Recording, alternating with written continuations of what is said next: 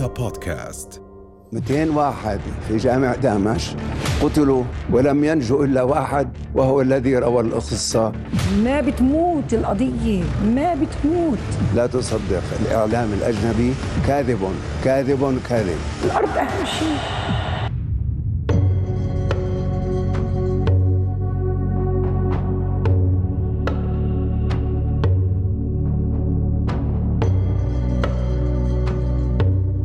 هالجيل هو آخر شاهد عيان على نكبة ال 48 عاشوا النكبة والنكسة بكل تفاصيلها.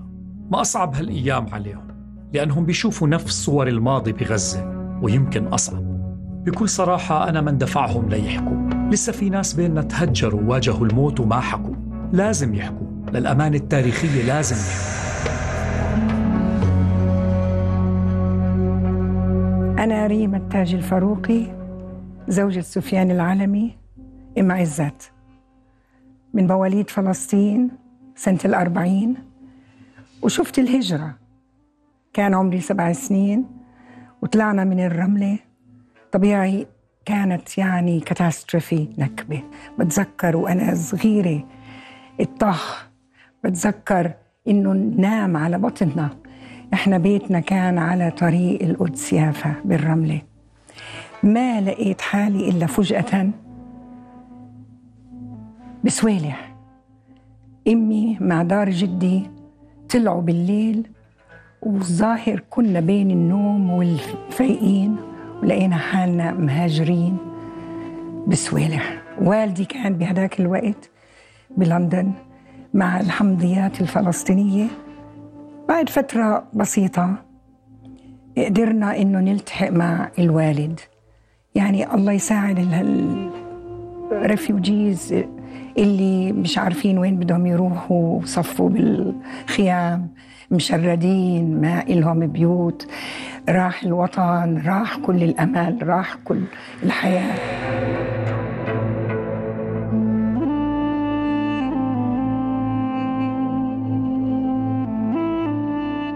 أنا أكثر إشي بتذكر في الرملة بيتنا جميل جدا. آه، جيرتنا مع دار الغصين. آه، بس على الشارع الرئيسي اللي بيودي على يافا. بس أكتر شيء بتذكر البيارة تبعت جدي اللي اسمها الشيخية. وهذه البيارة بتجيب لي دائما وبكتب على ريحة البردقان منظر العمال وهم بلفوا كل بردقانة وبحطوها بالصناديق وبيدقوا المسامير. يعني صوت المسامير الريحة كل هذه الذكريات يعني ما راحوا مني ما راحوا أبدا. طبيعي بتذكر كمان دار جدي التانيين اللي كانوا بيافا وساكنين على شط البحر. وكتير كنت وقت أقضي معهم حلو. هلأ مع الأسف مع رحتنا على إنجلترا. والدي تعين من الملك عبد الله الراحل الله يرحمه الملك عبد الله الأول بالسفارة الأردنية بلندن. غبنا من الوطن العربي من ال 48 لل 64 64 كنت أنا مخلصة دراستي عاملة صحافة دارسة ماجستير علاقات دولية. ورجعت على الوطن العربي. ما ناقصني إشي إلا اللغة العربية اللي ضيعتها مع الوطن مشان الظروف اللي إحنا كنا ساكنين بالخارج. والحمد لله التقيت مع زوجي التقيت مع أبو عزت وتزوجنا وبدينا حياتنا. والنكبة لم ننساها ابدا مشان هو أكيد رح يقول لكم على كيف طلع هو من اللد هو هم من القدس بس طلعتهم كانت باللد بالديث ماتش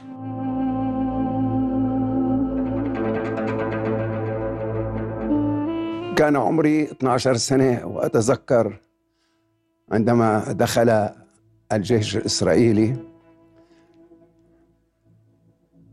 في المذياع صاروا ينادوا علينا الرجال تطلع. وتروح على الجامع. في الليد في جامعين.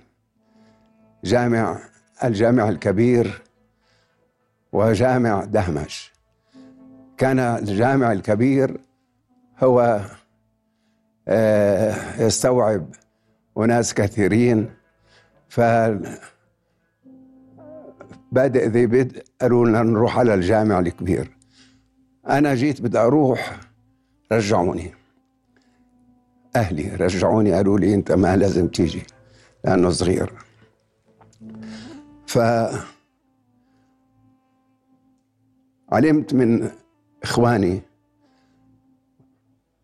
أنه كانوا اليهود يبولوا في صحن الجامع اللي بتوضوا منه وبيشربوا منه. دخل مجموعة من الجنود قالوا لنا اطلعوا. تركنا كل شيء وبدينا نطلع إلى الجبال. أتذكر أنه كنا وقت المدرسة نروح على بيت نبالة مشينا على أقدام الطلاب بقيادة أستاذ من أساتذتنا فذهبنا بهالاتجاه هذاك ولكن شتانا بين الروح كشطحة وكهجرة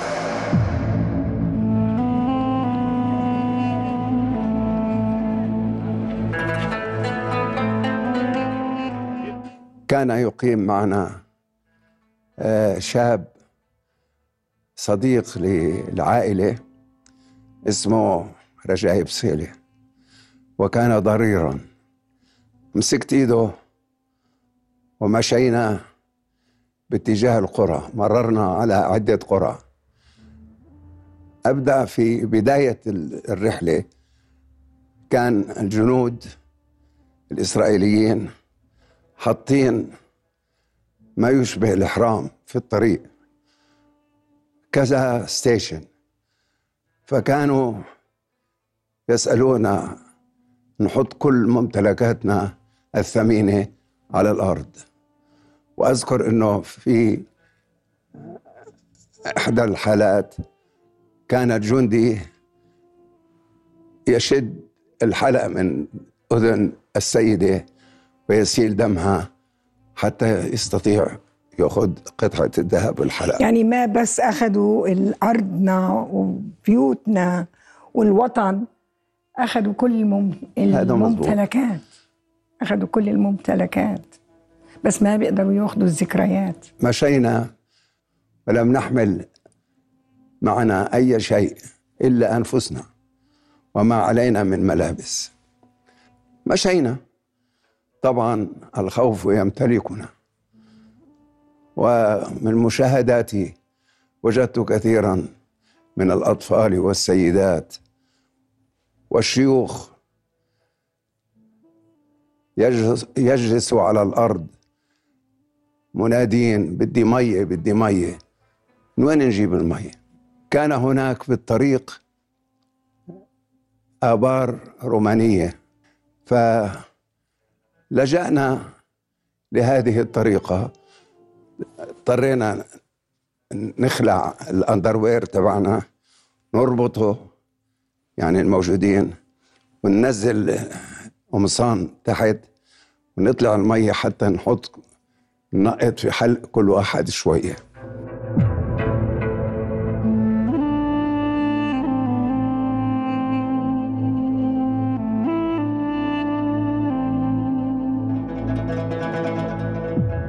صاروا يبولوا في البئر.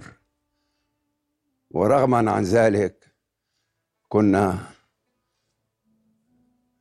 نسحب المياه ونبر ريقنا فيها. وبالطريق أيضا وجدنا أطفالا تموت. وجدت عائلة عمالها بتدفن.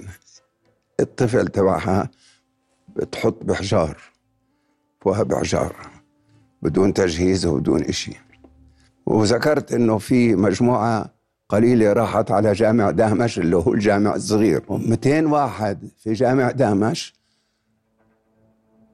قتلوا ولم ينجو إلا واحد وهو الذي روى القصة للجميع. واحد من 200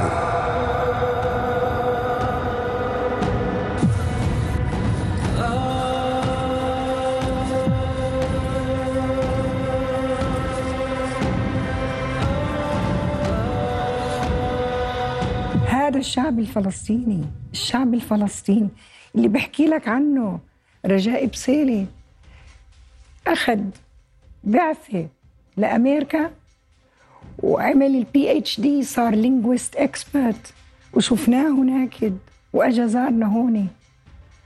وهو blind ما بيشوف. هذا الشعب الفلسطيني بقاوم وبتعلم وبيعلم وبيستمر. كأنه الإعلام صور المهجر الفلسطيني بأنه الفلاح البسيط والفقير بس. إسرائيل قتلت وسرقت وهجرت الكل. بالنسبة للهجرة الفلسطينية وهذه الهجرة كانت شاملة لكل الشعب. ما فرقت بين فقير أو غني ملاك أو فلاح أبدا. واحد من عمامي محمد الله يرحمه محمد التاج الفاروقي من أواخر اللي كانوا يحاربوا اللي طلعوا من الرملة. وقبل ما وصل لعنا على سوالح الناس تيجي تقول البطل البطل جاي البطل جاي. ومن المجاهدين كانوا. يعني ولا كيف الشعب الفلسطيني قدر يستمر؟ من التعليم. معظم الشعب الفلسطيني متعلم كان. وكان اللي مش متعلم عنده مهنة واللي ما كان يعمل هذا الشيء كان هو اللي يفلح الأرض. الأرض أهم شيء. بعد هالعمر والتعب والنجاح والإنجازات كان الأجدر يتبادلوا الذكريات الحلوة. بكل أسف اليوم تتكرر مشاهد الأسى والظلم. اللي شافوها وعاشوها من ال 48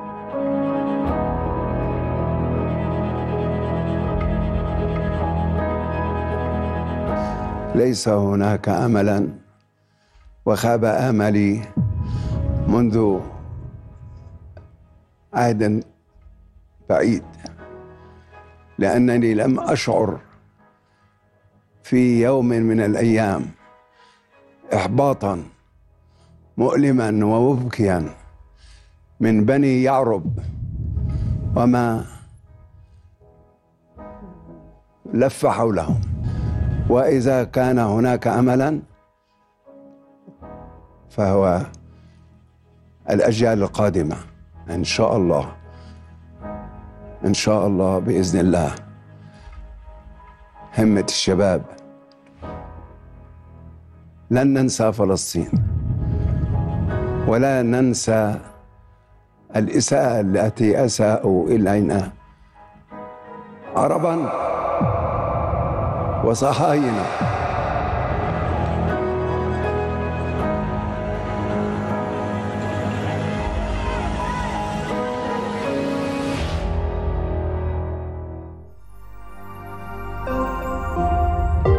رؤيا بودكاست.